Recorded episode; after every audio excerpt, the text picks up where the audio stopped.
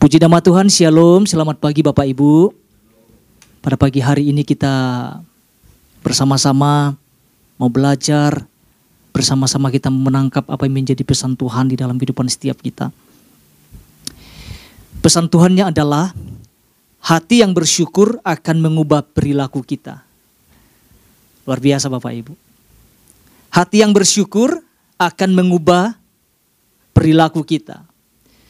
Pak Ishak sudah menyampaikan pesan Tuhan ini dan saya percaya setiap kita dapat menangkapnya serta mengaplikasikannya di dalam kehidupan setiap kita masing-masing.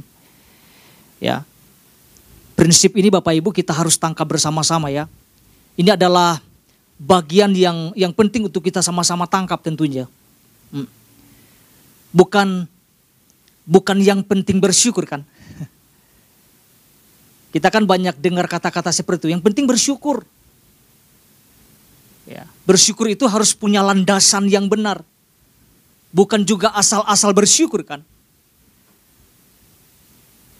Ya. Kalau saya melihat tentang pesan Tuhan ini Bapak Ibu, Tuhan memberikan sebetulnya kepada setiap kita tentang kunci ya. ya. Tuhan memberikan kunci kepada setiap kita. Karena gini dikatakan hati yang bersyukur akan mengubah perilaku loh. Itu kuncinya. Artinya lewat bersyukur ini, hati yang bersyukur ini punya dampak yang besar di dalam kehidupan setiap kita. Amin Bapak Ibu ya. Ya.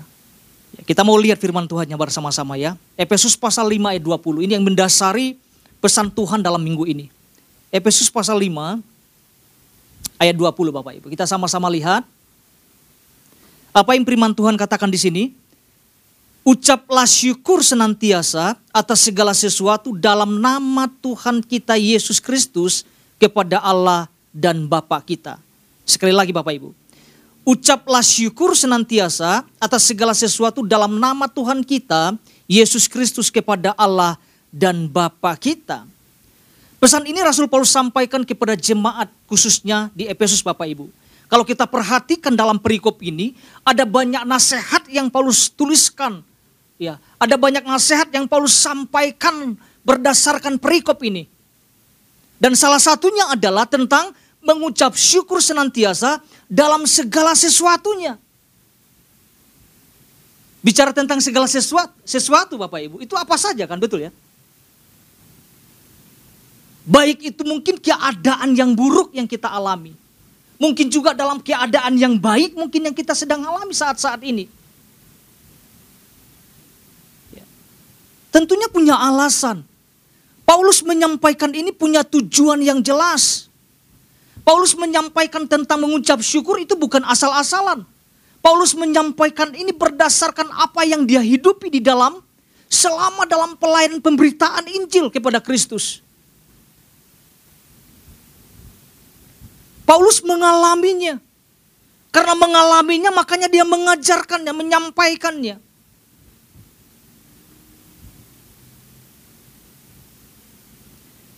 Kita bisa belajar tentang dalam kehidupan Paulus. Keadaan Paulus dalam panggilan pelayannya tidak selalu baik. Keadaannya tidak selalu sedang tertawa. Keadaannya tidak selalu aman. Namun kita bisa melihat apa yang dia sampaikan.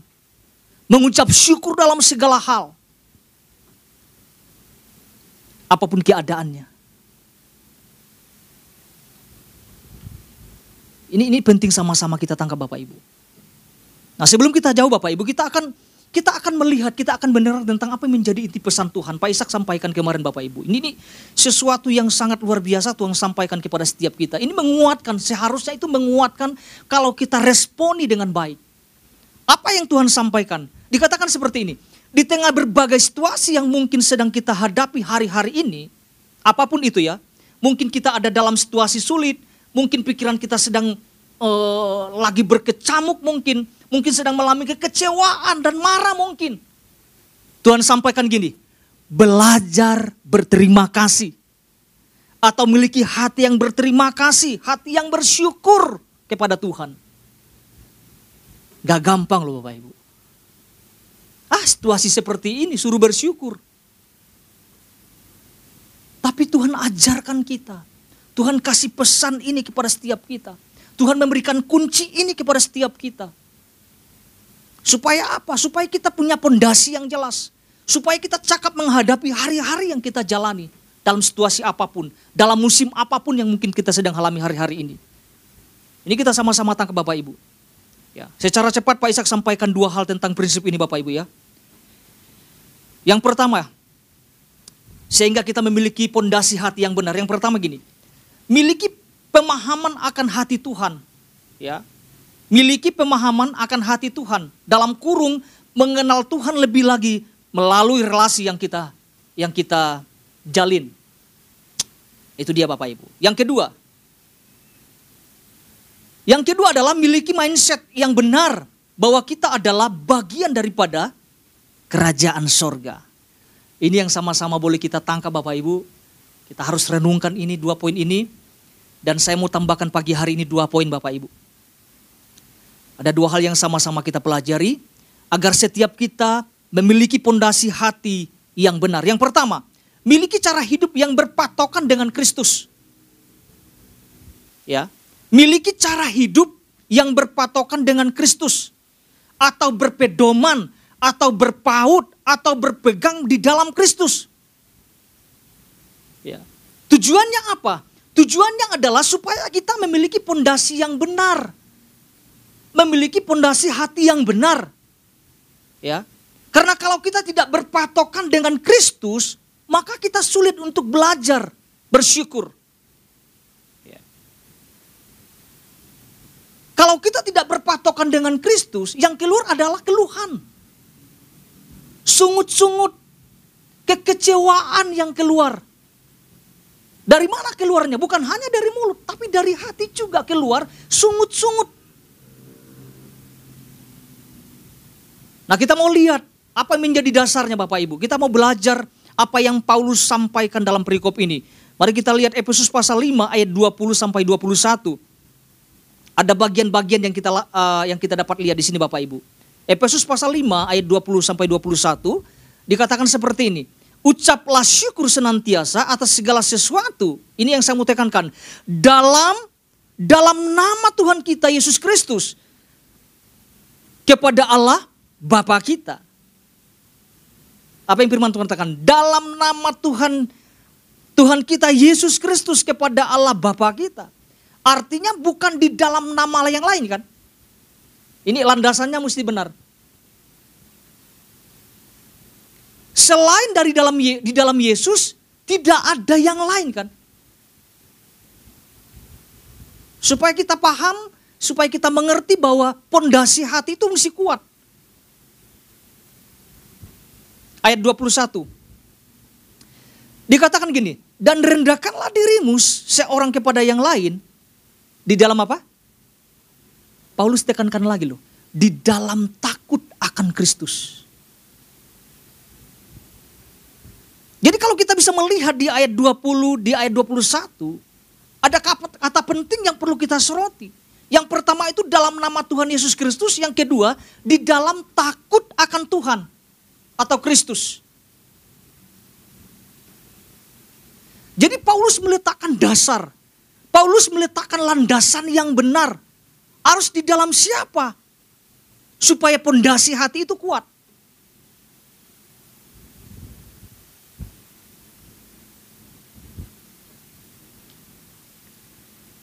Paulus meletakkan di atas nama yang berkuasa, yang sanggup mengubahkan kehidupan seseorang.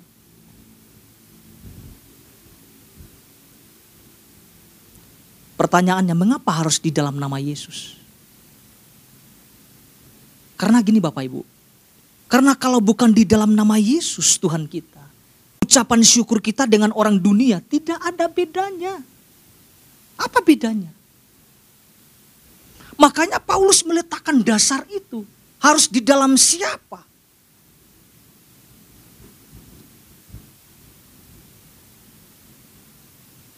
Bahkan Paulus menyampaikannya dengan lengkap di dalam Bapa kita.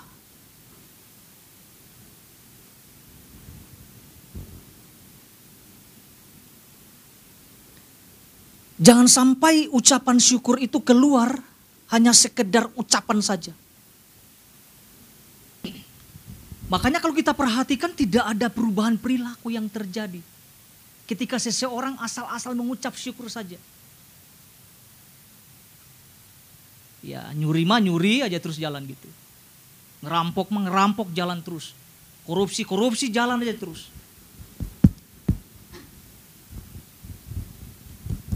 Tapi yang Tuhan sampaikan ini berbeda. Makanya Tuhan sampaikan lewat ucapan syukur itu akan mengubah perilaku. Contohnya Bapak Ibu ya, kita bisa melihat tentang kehidupan istri Ayub Bapak Ibu. Ketika mereka diperhadapkan dengan situasi sulit,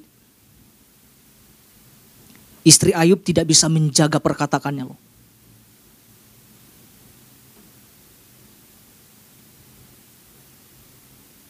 Karena memang di dalamnya tidak ada hati yang takut akan Tuhan. Tidak memiliki pondasi hati yang benar. Ya, kita bisa lihat di dalam Ayub pasal 2 Bapak Ibu. Ayub pasal 2 ayat 9 sampai 10. Ini salah satu contoh yang kita bisa lihat Bapak Ibu. Istri Ayub kita bisa belajar juga orang percaya loh. Tapi keadaan situasi genting Bapak Ibu bisa keluar kata-kata yang tidak punya dasar yang kuat. Ayub pasal 2 ayat 9 sampai 10. Dikatakan seperti ini. Maka berkatalah istrinya kepadanya, masih bertekunkah engkau dalam kesalehanmu? Kutukilah Allahmu dan matilah. Ayat 10. Tetapi jawab Ayub kepadanya, engkau berbicara seperti perempuan gila. Apakah kita mau menerima yang baik dari Allah, tetapi tidak mau menerima yang buruk? Apakah kita mau menerima yang baik dari Allah, tetapi tidak mau menerima yang buruk? Apa yang Alkitab katakan? Dalam kesemuanya itu Ayub tidak berbuat dosa dengan bibirnya. Kita bisa melihat bahwa Ayub memiliki cara pandang yang berbeda dengan dengan istrinya. Yang satu ngeluh, yang satu keluarkan kata-kata kutukan. Yang satunya menerima keadaan itu dengan hati yang benar.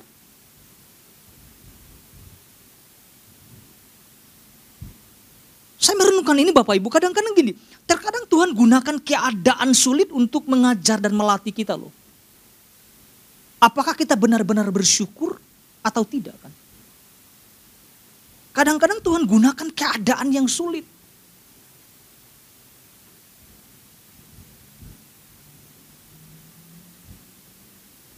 Ketika dalam keadaan sulitnya apa yang keluar?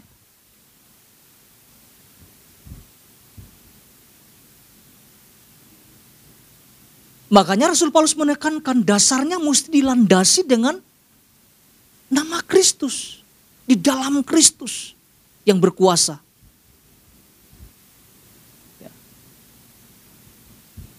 Nah kita mau belajar Bapak Ibu, kita mau belajar sama-sama dengan satu toko yang sangat luar biasa menurut saya. Yang memiliki pondasi hati yang sangat luar biasa. Yaitu Yusuf Bapak Ibu. Ya. Saya mempelajari bahwa Yusuf memiliki pondasi hati yang benar. Dan juga memiliki mindset yang luar biasa di dalam kehidupannya. Ketika berhadapan dengan apa? Dengan saudara-saudaranya yang menjualnya loh. Kita bisa lihat di dalam kejadian pasal 50. Kejadian 50 ayat 20.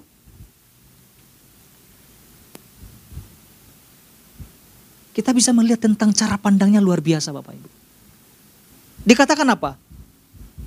Memang kamu telah mereka-rekakan yang jahat terhadap aku. Tetapi Allah telah mereka-rekakannya untuk apa? Kebaikan. Dahsyat gak Bapak Ibu? Dengan maksud melakukan seperti yang terjadi sekarang ini, yakni memelihara hidup suatu bangsa yang besar. Betul kamu telah mereka-rekakan yang jahat terhadap aku, kata kata Yusuf. Tetapi Allah telah mereka-rekakannya untuk kebaikan.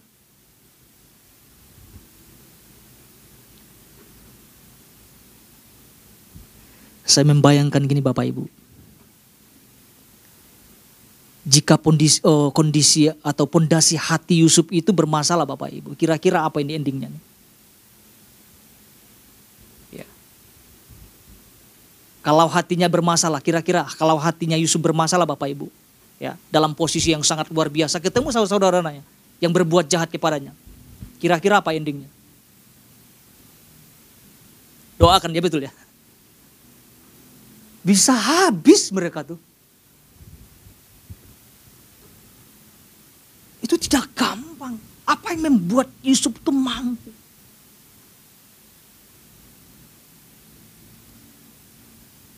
Relasi loh. Pak Ishak sudah sampaikan tentang relasi itu. Relasi itulah yang memampukan.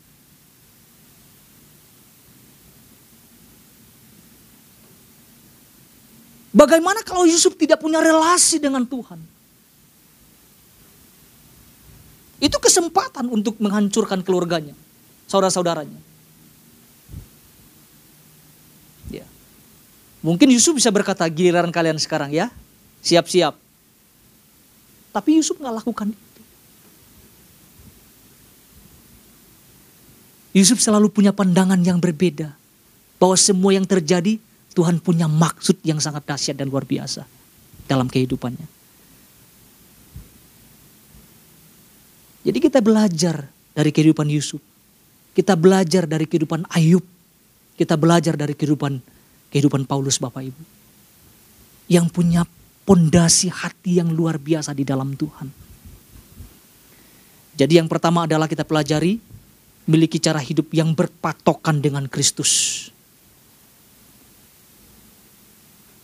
Kita akan masuk dalam poin kedua Bapak Ibu. Yang kedua adalah supaya kita memiliki pondasi hati yang benar. Yang kedua adalah miliki kehidupan yang penuh dengan doa.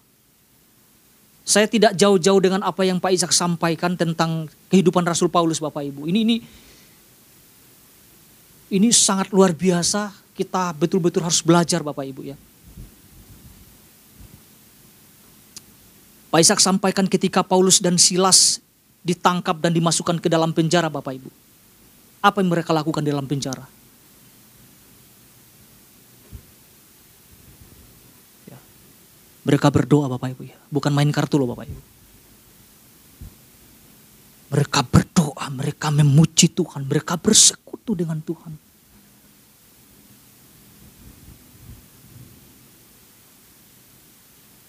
Itu jauh lebih dahsyat Saya terheran-heran ketika mempelajari ini. Bagaimana Rasul Paulus bisa berdoa dalam keadaan lagi di borgol tangannya. Sama Silas. Ya, umumnya orang kalau masih itu dari borgol ya merenungkan nasib ya gitu-gitu ya. Tapi enggak loh. Dalam keadaan yang paling sulit, masih mau berdoa. Masih mau penyembahan. Masih mau bersyukur, memuji Tuhan. Di dalam keadaan yang kurang baik.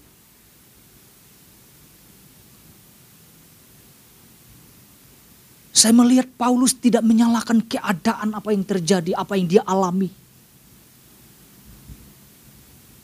Ya, kita tahu ya, penjara karena Injil loh Bapak Ibu.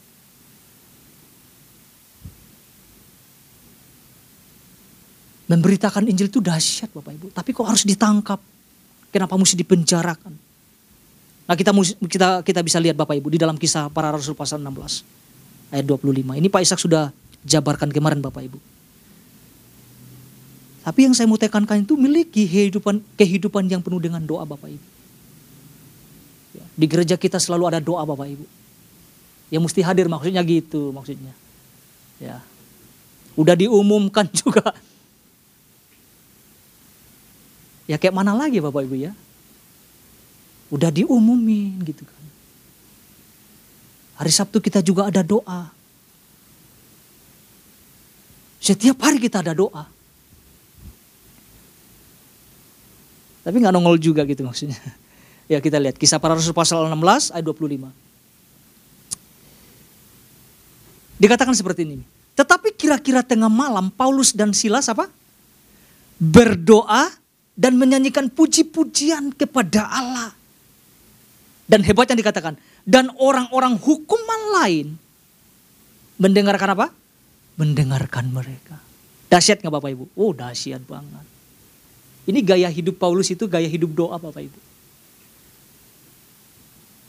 Mau tempatnya di mana pun, Paulus selalu melakukan doa. Punya gaya hidup yang berdoa kepada Tuhan. Ya. Kita punya, kita akan memiliki pondasi hati yang benar Bapak Ibu. Ketika situasi kita mungkin tidak baik. Coba luangkan waktu datang berdoa sama Tuhan. Beda hasilnya. Hasilnya jauh banget.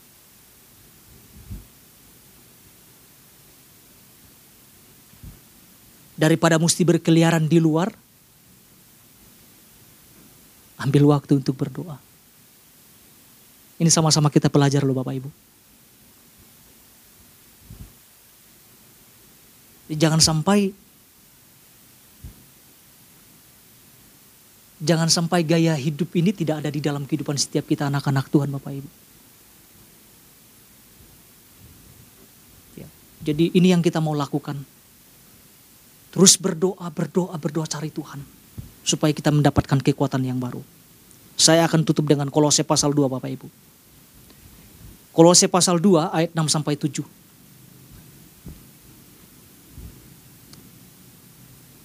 Puji Tuhan Bapak Ibu.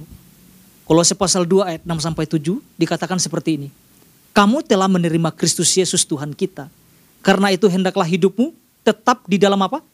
Di dalam dia hendaklah kamu berakar di dalam dia, dibangun di atas dia, hendaklah kamu bertambah teguh dalam iman yang telah diajarkan kepadamu, dan apa yang firman Tuhan katakan, hendaklah hatimu melimpah dengan dengan syukur.